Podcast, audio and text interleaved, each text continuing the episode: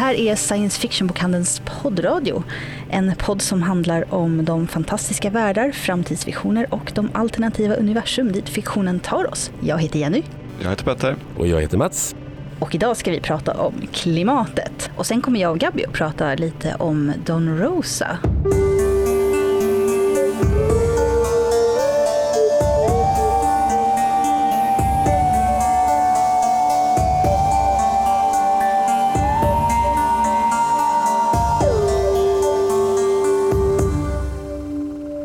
Som vanligt med eh, vad som händer i våra butiker. Och eh, det som verkligen händer här framöver är ju Black Friday. Men vi ska vara lite annorlunda i år, inte sant? Ja, precis. Black Friday, nej. Vi har bestämt oss för att det inte ska vara någon svart fredag utan vi kör en grön fredag, eller Green Friday. Uh, och tanken är då att i våra butiker fredag, Black Friday, så kommer det inte finnas några fantastiska erbjudanden. Inga extra pris, inte köp 12, betala för 19, ingenting sånt utan det är en helt vanlig fredag. Men vi har bestämt oss för att i våra tre butiker och vår e-handel 10% av dagskassan ska vi skicka till Ja, det här är Jenny från en senare tidpunkt. Det är nämligen så att vi ska skänka intäkterna till Naturskyddsföreningen. Så en liten rättelse. Till Naturskyddsföreningen kommer de 10 procenten av intäkterna att gå på vår gröna fredag. Jo, precis. Det händer ju saker i alla våra tre butiker. Eh, då har vi till exempel då i Malmö så har vi Hanna Rut Karlsson och Toril Kronfeldt som kommer och har ett panelsamtal om klimatet. Och eh, där kommer vi även ha vår nördblåsorkester som spelar, så det är bara att komma och lyssna och det kommer bli toppen. Och sen i Göteborg så har vi en brädspelskväll med tema miljöspel. Eh, så det är bara att komma förbi och spela och ha det gött. Eh, och detta sker? Detta sker, eh, även i Stockholmsbutiken kommer vi ha lite aktiviteter. Vi kommer förhoppningsvis ha författarsigneringar, kanske något panelsamtal. Och så har vi vårt husband, jag säga, Tvivel Diva kommer och sjunger också. Tanken är att vi då ska öppet till klockan 21 på fredag svarta fredagen som ska vara en grön fredag. Just det. Så det här inträffar mellan 19 och 21 på kvällen. Ja, så då får man komma till oss och ha lite av en eh, myskväll helt enkelt. Yes. Precis, precis. Och det här är alltså fredagen den 29 november ja. Eh, för de som eh, missat det. Events på kvällen, men det här 10% av dagskassan gäller då hela dagen, så det är bara att komma och hjälpa, hjälpa klimatet. Ja, precis. Ja. Ja, vi sa ju i början att vi skulle prata om klimatet, men eh, eh vi är ju en eh, science fiction fantasy skräckpodd, så vi kommer ju prata om klimat och planet och allt som hör därtill inom fiktionens värld. Eh, och då har vi gjort observationen att eh, ja, världen ser ut som den gör idag. Men vad händer inom fiktionen? Det finns ju mycket dystopier och katastrofer. Men finns det någon som berättar om vad vi skulle kunna göra efteråt? Hur kan vi bygga upp det här eller hur kan vi leva i det? Jag har en, en liten tanke kring det. Uh, Jenny, du får säga till mig ifall du tycker jag svävar ut bort för ämnet. Men jag tänkte prata om, ett, jag tänkte prata om ett äpple. Ja. Ni vet det här, eh, man köper en frukt eller vad det nu kan vara för någonting. Så, till, så tar man en tugga på det så håller man på att äta upp den där lilla pappersbiten som sitter på äpplet. Eh, jag köpte ett äpple på tåget till Göteborg. Jag har ätit upp den där pappersbiten ibland. Ja, jag har också ätit upp den pappersbiten. Klassiker. Nu misslyckades jag med att äta upp den, jag, säga. jag fick syn på den i tid. Eh, men på det där äpplet på tåget till Göteborg, då står det då typ att äpplet var imported från Nya Zeeland. Och det är den här känslan man får, men hur tusan kan det gå till att äpplet kommer från andra sidan jordklotet och att jag sitter på tåget i Göteborg och äter det? Hur, hur kan det fungera? Och det uppenbarligen fungerar för no någon, eller några, ganska många kanske tjänar ju uppenbarligen pengar på det äpplet. Äppelodlaren på Nya Zeeland, de som fraktar äpplet och SJ tjänar väl någon krona på äpplet. Men någonstans är det ju lite obegripligt. Speciellt som jag hade varit ute på landet tidigt på hösten och sett att äppelträden hade dignade av äpplen. Ett jätte jättefint äppelår i Sverige. Men där satt jag med äpplet och då började jag fundera lite på kapitalismen. Eh, och tänkte då att det här är ju inte, det, det, här är inte klokt någonstans. Jag, jag, såg framför mig kapitalismen som, som Midgårdsormen som har blivit alldeles för stor och ringlar runt hela jorden och biter sig själv i svansen. Jag tänker att vi, det, det funkar ju inte längre. Så kapitalismen måste bort, satt jag på tåget och tänkte, måste ersättas. Men inte med liberalism, inte med kommunism, inte med någon ism från 1700 och 1800-talet, för det är en ny värld. Och sen så ta bort nationalismen också, för att miljöförändringar har inga gränser på det sättet. Gör om, tänk nytt. Så satt jag och tänkte där på tåget. Och sen i nästa steg, när, när jag väl kom fram till Göteborg och SE-bokhandeln där, så vandrade jag runt bland bokhyllorna för att leta efter, för jag tänker att om det någonstans det går att tänka nytt och stort och annorlunda så är det, det, det är i science fiction-litteraturen. Där finns visionerna, tänkte jag. Ja, det eh, tänker man ju. Ja, mm. men jag kan ju inte påstå att det fanns sådär jättemycket visioner. Däremot mycket mer dystopier förstås. Mm. Som varning vart vi är på väg. Och det är också sitt berättigande självklart. Och det finns också miljöförändringar, miljökatastrofer som underhållning, typ Mad Max eller Waterworld eller någonting sånt där i filmen, även böcker. Men förbannat få böcker som vågar peka på det där bort med ismerna. Så, så där landar jag då, va? Mm. Har ni något svar på varför det är så? Eh, Ja, det är ju en ganska svår fråga, men uppenbart så, uppenbarligen så är det ju inte så många som har försökt besvara den. Och Nej. jag tänker att det är för att det är helt enkelt svårt att tänka sig ur sin, sitt eget samhälle, den värld man själv lever i. Kan man föreställa sig någonting som inte har existerat än? Och svaret på det är väl, ja det går väl för att det har ju i alla tider har ju folk uppfunnit nya system. Det är inte som att eh, varken kapitalismen, kommunismen eller liberalismen alltid har existerat.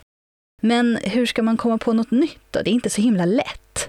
Nej, och det är, väldigt, det är en otroligt stor uppgift att, att försöka förklara det och mm. sammanfatta det i en bok. Liksom. Just det. Vi, vi lägger det på författarna, de får ja, lösa liksom, vårt, nya, ja, ja. Eh, vårt nya världssystem som vi behöver.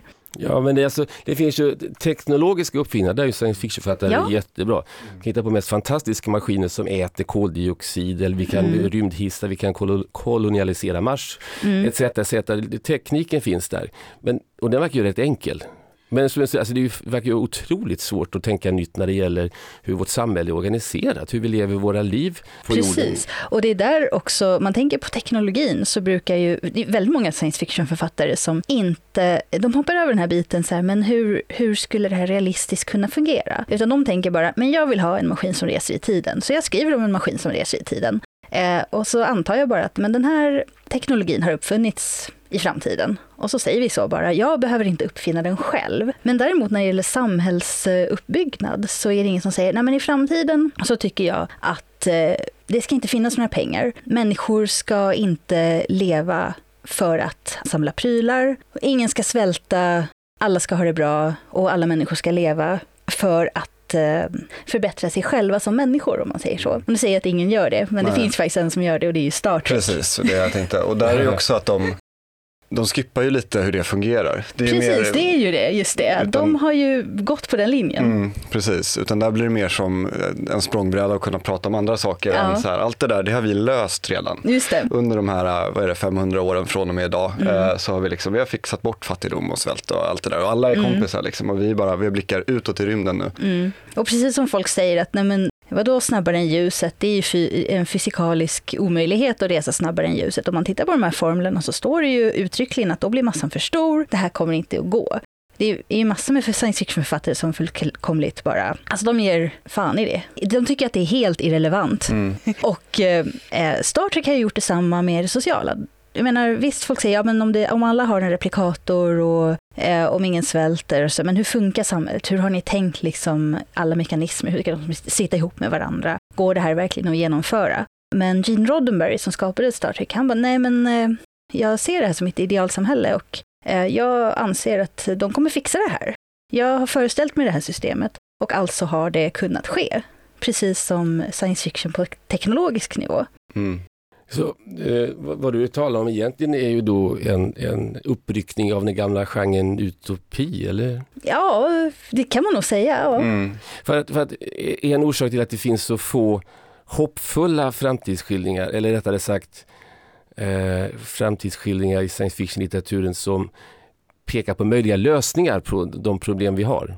Att det finns så få sådana, det är ju att, att tänker jag, förstås att det blir tråkigt. Det är mycket roligare med dystopier, att vattnet kommer, värmen kommer, Precis. eh, alla insekter dör ut, det blir Ja. action, spänning och man kan bygga... Vi har problem liksom. men utopier är ju oftast rätt så tråkiga att läsa. Mm. Och dessutom vill väldigt få människor vara i det där utopiska samhället. Det, det blir svårt att skapa spänning. Mm. Ja, det blir ju det om, om berättelsen ska handla om hur världen ser ut. Men om man gör som i Star Trek då, där det är Mm, mm. bakgrunden till Mm. handlingen.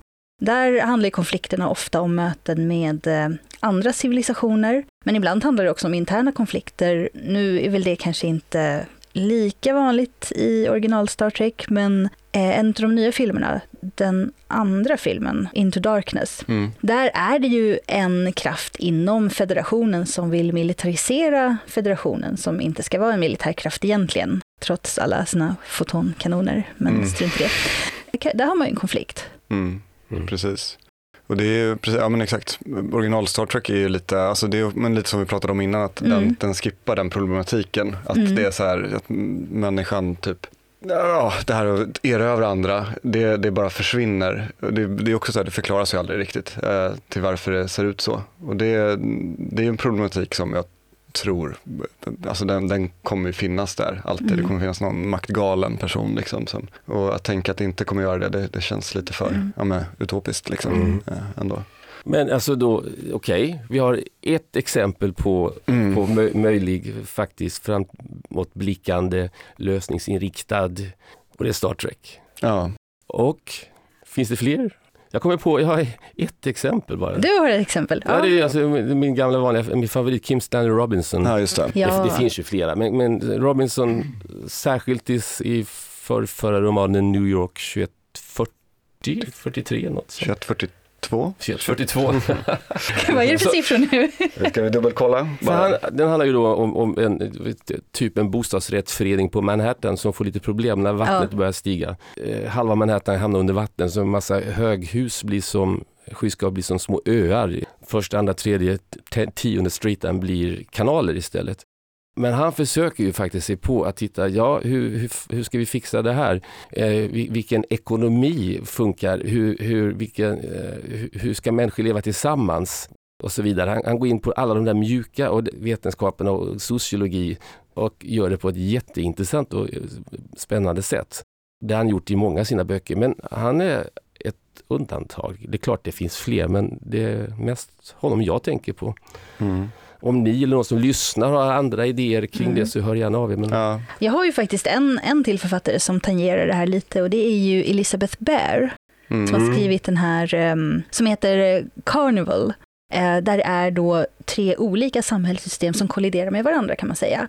Och ett av dem är en slags utopi. De, har sociala orättvisor för det är ett matriarkat. Men eh, de har löst väldigt mycket utav eh, vad ska jag säga, miljöproblemen. Men det det är också en bok som handlar om konflikterna mellan olika samhällsordningar och ingen framställs som riktigt perfekt. Men, men det här är i alla fall en berättelse, tycker jag, som tangerar det här, men hur skulle en möjlig framtid kunna se ut? Det har blivit lite av ett begrepp där, cli-fi, jag vet inte om vi har sagt det hittills i podden. Ja, Nej, det, vi har inte nämnt inte det gjort redan. Ska, Vad är det? eh, cli-fi eller klima, kli, kl- Klimatfantastiken. Klimatfantastik. Ja. Ehm, det är väl ett begrepp som myntades, det är inte så länge sedan nu, som en subgenre. Och det är fiktion som eh, visar på en potentiell framtid. Ofta liksom med avstamp i riktig vetenskap. Det, det ska inte vara allt för spekulativt, eller spekulativt kommer det ju vara, liksom, men det, det, är liksom, det, ska vara, det ska vara nära till den världen vi lever i idag. Liksom. Ja, då platsar inte Star Trek eller Elizabeth Bear för den delen. Nej, inte om man Kanske däremot den- Kim Stanley Robinson. Ja, precis. Ja, nära framtid. Ja, Ja. exakt. Och Kim Stanley Robinson tas ju upp ofta som ett sånt exempel på Mm. en, en av de största författarna inom cli-fi idag. Mm. Och det är ju som sagt det är en ganska ung subgenre så att det, det är väl inte helt liksom att den är helt etablerad till exakt vad, vad som inkluderas och inte. Liksom. Mm. Det är väl att den håller på att byggas upp nu kanske, att om Mm. några år kommer det finnas mycket mer. Mm. Ja, alltså om man, jag gick in på Goodreads, bara kolla, sökte på Mm. Cli-Fi och det, det finns ju en hel del böcker där, det gör det ju. Men återigen, det är ju samtliga i stort sett av de mer dystopiska. Precis, Ja, precis. ja. Om man ser tillbaka i tiden så har vi ju J.J. Ballard. Jiggy Ballard, Ja, ja. J.J. Ballard. Ja. JG. Tongue Twister. Ja, J.G. Ballard. Ja. Och hans Drowned World och Burning, heter den andra Burning World? De två som står lite mot varandra, eh, hör ihop. Mm. Jag måste kolla vad den andra heter. Drowned Ja. World eh, handlar ju om en värld där, lite som Waterworld fast kanske lite mer. Eh, alltså jag måste säga det, jag älskar verkligen Waterworld. ja. Eh, Det är kanske inte är den bästa filmen jag har Nej. sett, men den var väldigt rolig att se. Ja, Jag den- vet inte varför, hela den här grejen med, med skepp och skeppsstäder som Ja. flyter på ett oändligt hav, ja, det är ju en stor otroligt lockande. oljetanker och allt det där. Ja, den är, den Ja, jag är, vet, jag tycker det är jätteroligt. Ja. Men, Men Ballard, han är Ballard. ju ikonisk. Precis, och han har ju, då är det Drowned World och sen The Burning World Just. som de har döpt om till The Drought eh, senare, eh, Mm. som man kan hitta under båda titlarna. Och då är Drowned World handlar om en värld där, som är översvämma, över, det, översvämningar över hela världen och Mm, övergödning Av, av haven och sådär. Mm, mm. Och eh, The Burning World som kontrast är torka, att allt har bara liksom sinat eh, och så. Och det, det var ju tidigt han skrev dem, eller hur? Ja, det är 60-talet Ja, eh, ja. ska vi se. Drowned World 62 och eh, Burning World 64. Man märker ju det också om man tittar på Doctor Who, som jag gör lite tvångsmässigt emellanåt. Eh, och, You don't say. som faktiskt tog sin början redan eh, 1960-63. Eh, på tidigt 70-tal så tog de också upp väldigt mycket det här med miljöförstöring, eh, hot mot klimatet, fast de inte uttryckte det så på den tiden. Men liksom utsläpp med gifter i naturen och sådär. Så att det är inte som att det här är en så här jätteny problematik. Det kan ju hänga ihop med också att det inte har varit så annat än i perioder och om väldigt specifika saker. Så Mm. här jättemycket uppe i samhällsdebatten Mm. förrän idag. Alltså nu är det ju en, en pågående krissituation som alla är medvetna om, mer eller mindre. Man kanske lever lite i sin egen lilla bubbla också och tror att alla är jättemedvetna. Men, Mm. men när det gäller författare, så att det är så få författare som har tagit upp det fram tills nu, eh, kan det helt enkelt bero på att, eh, att författarna själva är så färgade av det samhälle som de lever i, så att de har helt enkelt inte tänkt på det. Nej, precis. Det är väl ganska vanligt i all, framförallt science fiction kanske, men att det liksom speglar lite när boken skrivs, en diskurs som, som, som, som pågår. Ja, ja, det, Ja. Det, det är absolut, men det, det är ofrånkomligt. Men Mm. Jag tänker att man skulle kunna ställa kravet på science fiction författare att de skulle ha en anings lite lättare att tänka bort sin samtid. Ja, Ja, man Eller- föreställer sig det ändå, Ja, att, de, mm. att, att det är liksom därför de har valt att skriva just science Ja. fiction. Sen handlar det självklart de flesta science fiction-böcker om vår tids rädslor, vår tids Jo, precis. drömmar. Mm. Och så ska det vara. Mm. Får jag skjuta in? Jag, jag tänker så här, om det är någon författare eller kanske blivande författare som lyssnar på det här. Alltså, vad jag skulle vilja se i science fiction-litteraturen är, nu gäller det att hålla isär det här, för att science fiction-böcker man skriver ska inte vara någon manual eller någon tråkig pekpinnebok. Det ska inte vara någon sån här framtidsutsägelse från sån här, vad heter det, framtidsstudie.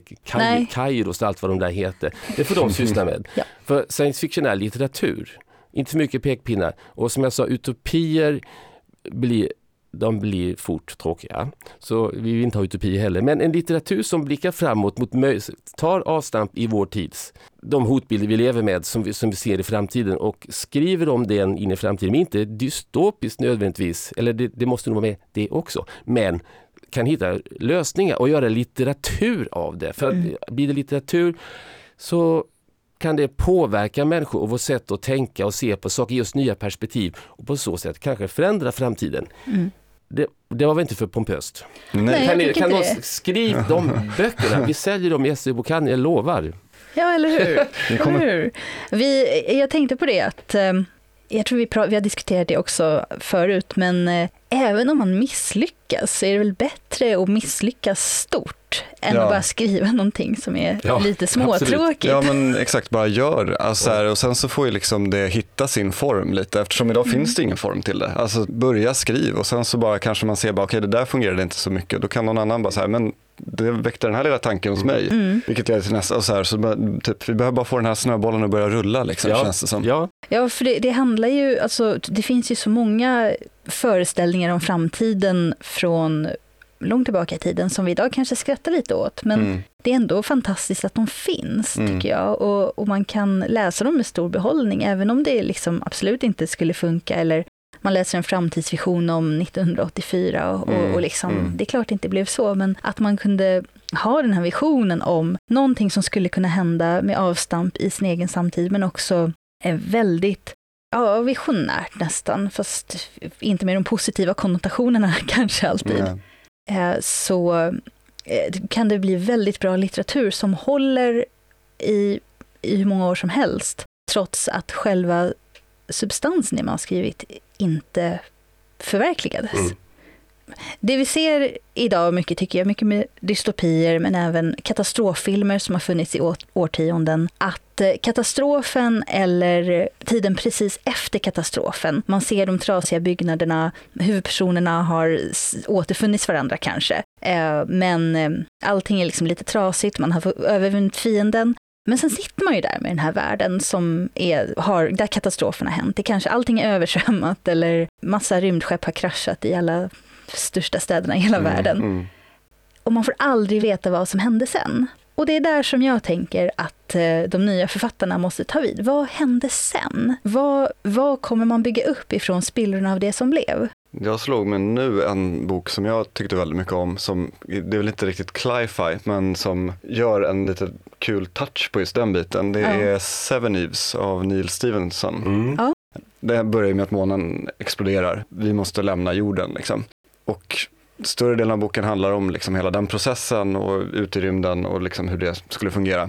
Men ja, vad är det, två tredjedelar in i boken så hoppar man 5000 år i framtiden eh, när eh, men att människan är på väg tillbaka. Liksom. Och då är det liksom efter katastrofen och man får se lite hela det här liksom som har hänt med jorden sedan dess och de börjar kolonisera igen. Liksom. Och det, Mm. det är ändå, jag vet inte, att den boken bara låter den akten av, av historien ta så mycket plats tycker jag är, det är fint och intressant Mm. eh, faktiskt. Um, Ja, Jag får hoppas att han också blir en föregångare då, så vi Mm. får se mer av det Mm. här. Mm. För jag, jag tror att i allmänhet att det är någonting som vi behöver i litteraturen nu. Ja, alltså Neil Stevenson är ju ett bra, ett bra exempel. Han är ju, han är ju rolig. Han, han, han har ju tro på framtiden. Han gillar ju stora projekt. Så Ja, gud. Och det är mycket detaljer. Alltså Ja. det, mm, när man läser honom så man, man får beredd på att det är mycket, mycket förklaringar kring Mm. hur saker och ting faktiskt är tänkt att fungera och det är sådär. Men på något sätt så är det jäkla spännande och intressant eh, ändå, även fast man kanske inte förstår eh, exakt vad det är han, han, han skriver om. Så, Men Jenny, vad du, jag vet du, vi, när vi förberedde programmet, du pratade just det här, vad händer sen och vad är det som sker nu? Du var inne på att vi, att vi, vi behöver en ny upplysningstid. Ja, Är det ja, så? det kanske är lite Ett storslaget, men paradigmskifte här i... och vi pratade ju lite om upplysta despoter också. Nu får ni höra här vad vi pratar om utanför våra program. bakom kulisserna på science fiction-bokhandeln. Alltså det finns ju, det är också lite deprimerande förstås att eh, tron på demokratin faktiskt sjunker i Mm. många länder i världen, i många länder som mycket för att man ser förstås orättvisorna växa och ingen gör någonting åt det. Nu är ju min bestämda åsikt att det har med liberal marknadsekonomi att göra, men vi ska inte gå in på det, Det just nu. Eh, Det är en helt annan podd. Däremot eh, s- så finns det ju, det finns ju en, på något vis, som Terry Pratchett säger, att eh, det finns en slags inbyggd tro på eh, kungar i människan. Den här ensamma härskaren som gör det bra för folket. Och i modern tappning kanske den upplyste despoten. Sen är frågan om den personen faktiskt kan existera på riktigt. Jag tycker det är tveksamt. Mm. Och det vi istället behöver är ju då kanske, ja, som jag sa, då, en ny upplysningstid där många författare och många filosofer samverkar till liksom att bygga, inte bara kanske en, men, men eh, inspiration till flera nya system som vi skulle kunna pröva eller åtminstone föreställa oss. Mm. Eh, och att eh, det vi behöver det är ju liksom en tid där många, där många nya idéer skapas. och man inte tänker liksom som på 90-talet när den här idén om att den enda vägens politik var det som skulle styra. För det finns bara ens ett sätt som funkar och det funkar inte så bra. Men det kan ju inte vara så. Det måste ju finnas extremt många olika sätt som funkar. Och jag tycker ju framförallt i fiktionen, ju vildare desto bättre. Alltså föreställ er så konstiga världar som ni bara kan. Mm. Jag är inte själv författare, så, så jag tänkte bara lägga över det ansvaret på alla andra. Ja. Ja, men det vill jag också läsa. Ja. Ja, det är jättebra. Ja, Jag tänkte att vi skulle prata lite om Don Rosas ankvärld, om man nu ska säga så. Ja, det är ju en eh, del av Disneys licenser och så, Kalle Anka tidningens värld och så. Men eh, det Don Rosa eh, har gjort hänger inte så mycket ihop med vad ska man säga, det som amerikanska Disney sätter upp på filmer. Det hänger inte så mycket ihop med de här gamla kortfilmerna som många av oss säkert har sett i diverse repriser. Och det det däremot hänger ihop väldigt mycket med är ju Carl Barks Kalle Anka-serier. Mm. Vi kanske ska börja från början här. Det, det, vi pratar alltså om en av de kändaste Kalle Anka-författarna i världen. Ja, jag skulle säga av de nu levande, den absolut eh, mest kända hos fans och den liksom mest populära hos väldigt många också. Och som du säger så ses han lite som Carl Barks arvtagare. Ja, han ser sig själv så också. Han Ja. växte upp som fanboy till Carl Barks-serierna. Och eh, när han var här i butiken så var, sa han väldigt tydligt att jag signerar inte produkter med Disney-ankor. Jag signerar mina ankor och Carl Barks ankor.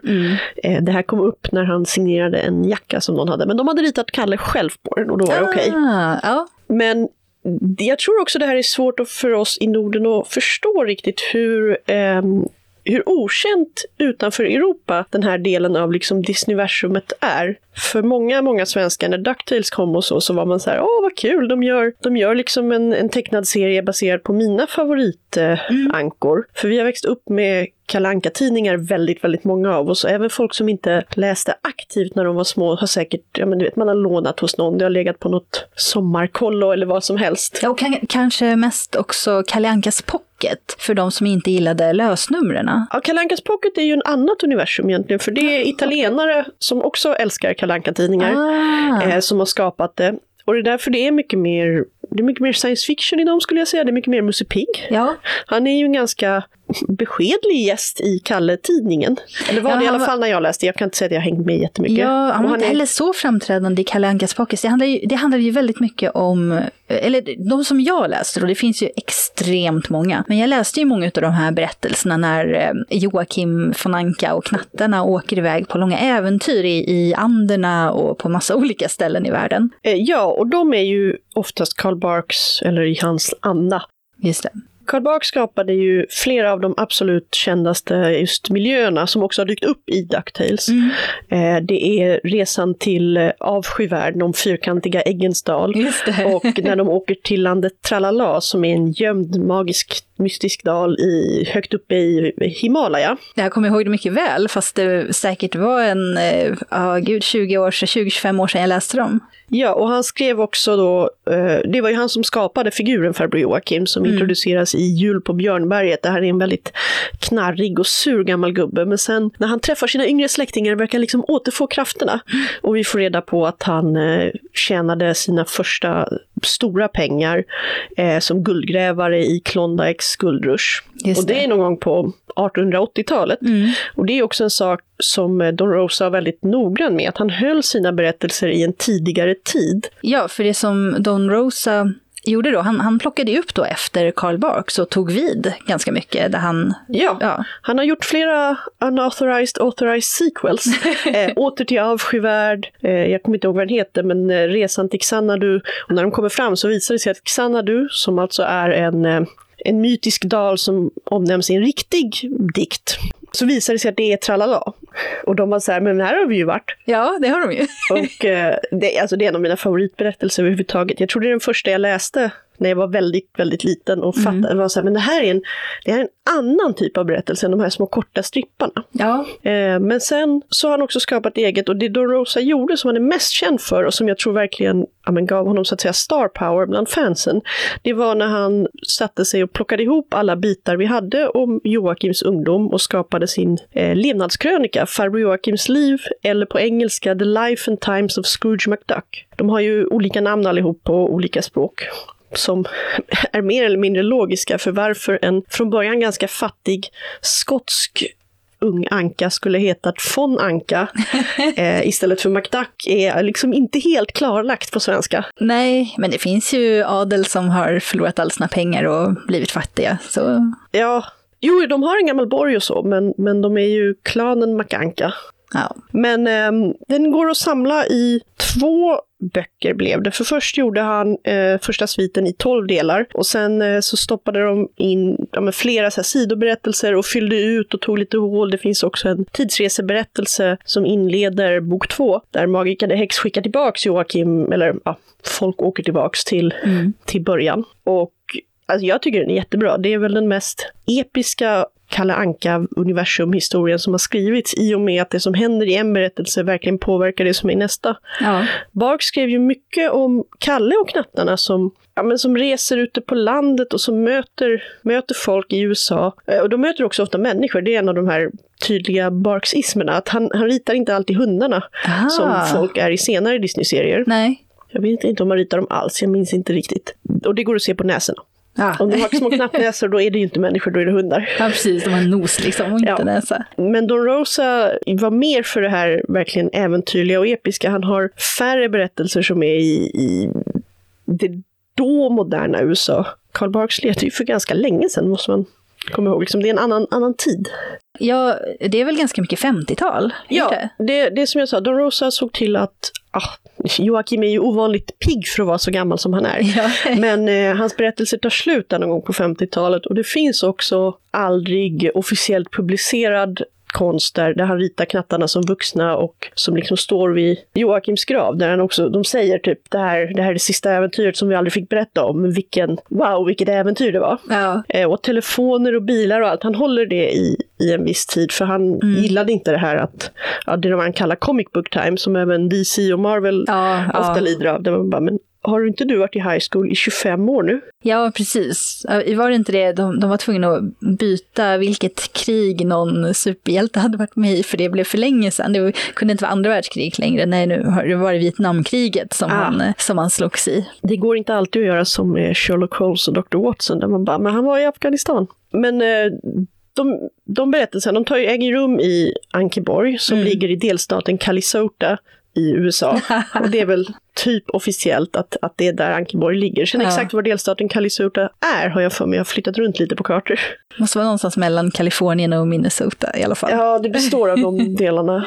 Men jag, ibland har det ju, du vet, kuster och ibland inte. Och det är ju lite som man vill. Men anledningen till att vi pratar om honom just nu, mm. det är ju faktiskt att han kom till Sverige på besök. Ja, han var här hos oss. Han, var, han hade ett samtal på Folkoperan i samarbete med Serieteket och Kulturhuset och han var i Bergrummet och grejer. Eh, han gjorde också en intervju. Vi hann tyvärr inte ha en poddintervju med honom för att det var ett tajt schema och både han och vi ville att han skulle få möta så många fans som möjligt. Han, är, han har jättetrevliga signeringar, de går inte så fort, men han låter fansen komma och sätta sig vid ett litet bord och så signerar han och så småpratar man under tiden och sen har man tid för ett snabbt foto om man vill. Mm, ja men precis, han, han vill ju ha vill en liten mötet, stund. Ja, han vill möta sina fans. Och ja, det var jättetråkigt att han inte hann göra en intervju med oss i podden också, men, men eh, kanske en annan gång. Ja, men till dess så kan jag rekommendera att man letar upp P3s program PP3 avsnittet som heter Don Rosa fulstreamning och utbuad drake eller Drake från tisdag den 12 november. Så kan man få höra en intervju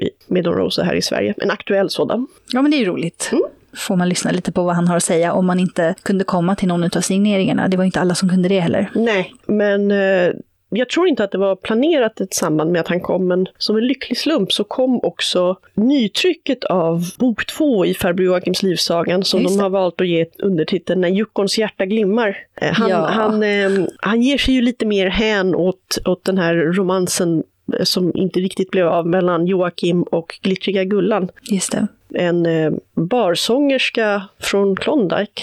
Mm. Jag kommer ihåg henne, jag, jag, tyckte ju som barn att det var lite, hon var lite spännande mystisk person som bara dök upp lite ur hans förflutna och man tänkte så här, ja men hade de någonting tillsammans på den tiden eller inte? Och det var ju lite otydligt. Och... Ja, och det jag, finns... jag läste ju inte så många, alltså det var ju också nackdelen med att läsa på den tiden, man missade ju lite nummer här och där ofta. Ja, och sen eh, alltså de här berättelserna som hör till Farbror Joakims liv, de gjorde han ju ganska sent i sin karriär. Ja. Så de är ju från 90-talet och sen kommer liksom uppföljarna ja, sena 90-talet. Mm. Så många i vår ålder hade kanske slutat läsa så här ja. litet. Ehm, Jag har nog inte läst alla i tidningsform utan jag har köpt diverse olika seriesamlingar. Det finns, de har tryckts många gånger i Sverige. Men många av de här klassiska serierna kommer ju som samlingar nu. Vi har ju Ja. haft jättemånga på svenska som eh, Linda och Valentin, eh, Valhall har ju funnits rätt så länge förstås, men också Blueberry som var... Ja, men en westernserie, li- före vår tid, men ja, och även... Jag läste ju den, den gick ju i. Fantomen tror jag. Ja. Eller, alltså det var ju hemskt länge sedan. Jag, eh, men jag har för mig att den gick i Fantomen och ehm, eh, den har ju nu kommit ut i samlingsalbum helt enkelt. Ifrån Kobolt, som, som även då ger ut Linda och Valentin. Ja. Ja, nej, Kalle eh, bor ju så att säga stadigt hos Egmont. Som inte bara publicerar dem i Sverige utan i hela Norden och Tyskland och sen i Italien och i, möjligen Spanien, jag är lite luddig där, men nere kring Medelhavet så är ju Panini det stora kalanka förlaget Just det. Med Egmont så verkar han ju ha ett ganska nära samarbete. Jag blev lite, jag blev lite ledsen i hjärtat när jag läste på en hemsida så finns det ett, ett eh, efterord till farbror Joakims livsamlingarna som Don Rosa inte fick trycka i sista tidningen. För han har med ganska mycket förord Ja. mellan, eller, ja, han har med lite så här krönikor mellan kapitlen han skrev om vad var jag i min tecknarkarriär när jag gjorde det här och vad, vad tänkte jag med det här. Sånt är ju rätt, jätteroligt att läsa. Det är jättekul. Det är väldigt kul att läsa när han är så här, jag var ju så stort fan och så fick jag börja rita och han är inte utbildad tecknare, han var, vad är han, geolog eller men så här, ingenjör. Ja. Och, och har alltid, han verkar ha haft lite komplex över sina tecknarskills, men jag tycker han är lite bra. ja. Men efterordet fick han då inte trycka för Disney, Nej. som var så här, men du får inte säga så här i våra böcker. Och Egmont var ungefär, ja men du får väl trycka det. Men då gjorde de en kompromiss att eh, han la upp det på en hemsida och sen skrev han liksom, ni kan läsa mitt, mina avskedsord typ online. Ah, ja. Där han bland annat berättar om anledningen till att han slutar teckna hans eh, försämrade, mycket försämrade syn och så, men också att han inte fick eh, royalties. Han har aldrig fått royalties för kalanka serierna Som, Det är ju hemskt. ja, jag trodde det, för att om det är någon som inte riktigt har koll på hur royalties funkar så är det i vanliga fall så att en författare som skriver en bok får ett, ett förskott eller liksom, de får en klumpsumma. Och eh, om de säljer första tryckningen på, jag vet inte, tusen böcker, då, då är det det de får mer eller mindre. Men om de börjar sälja så här fantastiskt mycket, om det blir liksom en Stig Larsson-succé, eller en kalanka succé då får de mer pengar när man trycker nya. Och sen exakt hur det ser ut, det är väldigt olika, men i den gamla serievärlden, det här var både Disney och även, jag vet DC och Marvel och alla de där alla de här stora bolagen som hade licensfigurer eh, gav liksom en flat rate. Man fick betalt per sida och det var det. Mm. Sen är det ju många av dem som aldrig trycktes om i så mycket utgåvor. Nej. Men eh, eh, det här har ju gjorts och Disney har också sålt vidare rättigheterna till massa företag. Mm. Nu får han från Egmont och även från italienarna Panini Mm. en del pengar för han, det han har gjort är att han har trademarkat sitt namn. Aha. Så man får inte sätta Don Rosa på en bok om inte han får lite pengar för den. Ja, smart. Ja, men eh, det betyder alltså att han jobbade väldigt, väldigt hårt och han drog in mycket pengar till dem. Men han fick väldigt lite av det själv, för det var liksom, "Ah, du har ju fått din betalning. Ja, nej, det är verkligen jättetråkigt. Men det är bra att han har hittat någon slags lösning nu Ja. i alla fall på senare år. Och de här nya samlingarna är ju jättefina. De, de svenska som vi har då. Ja.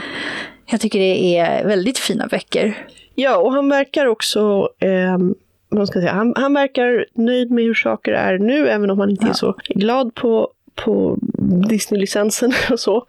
Ehm, men det var, jag läste en svensk eh, seriekrönika om det här, som sa att han Ja. verkar, hur ska jag säga, saker är inte hemska, vilket är alltid så här trevligt att höra Ja. om ens hjältar. Man bara, oj, Ja. jag hoppas inte är jätteolycklig. Och han älskar fortfarande att möta fans och han tycker också väldigt mycket om att vara ett fan. Han älskar Ja. ju Karl Barks-serierna och har tydligen en enorm seriesamling hemma. Han kallade Ah. sin, sin serie Binge.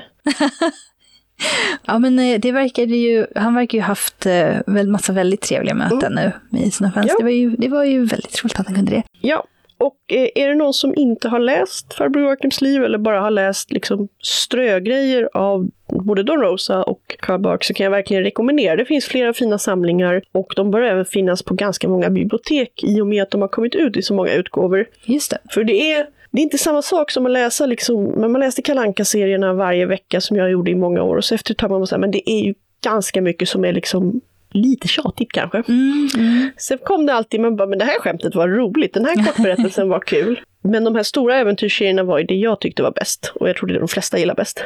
Ja, det är väl därför de här samlingarna blir så hemskt populära när de kommer ut. För det är ju de här uh, sammanhängande berättelserna med äventyr, med spänning, med en del karaktärsutveckling kanske till ja. och med, vilket man inte annars är bortskämd med i den här typen av serier. Nej, och, och även då alltså Kalankas pocket som många olika konstnärer gör, men det, de får ju lite mer sidantal. De kan liksom ja. bre ut sig lite mer. Det, det är ju som en bok. Mm.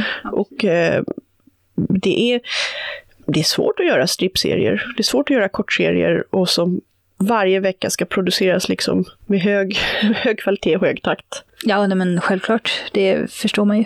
Men ja, det var kul att se Don Rosa. Vi hoppas att han återkommer och vi hoppas att alla fans som mötte honom också hade kul. Verkligen. Det var allt som vi hade för den här, det här avsnittet. Uh, har ni några tankar om dagens avsnitt eller åsikter uh, så dela jättegärna med er av dem. Uh, vi finns som vanligt på Facebook och Instagram. sök på science fiction-bokhandeln på Facebook och SF-bok på Insta. Och vi har även en e-postadress som man kan mejla in till. Och då är det podd sfbok.se och det är då podd med två d Och alla länkar finns ju alltid på vår hemsida som bara är sfbok.se. Precis, precis. Vi är tillbaka igen om två veckor. Ja. Ha det bra så länge. Ha det bra. Hej då. Hej då.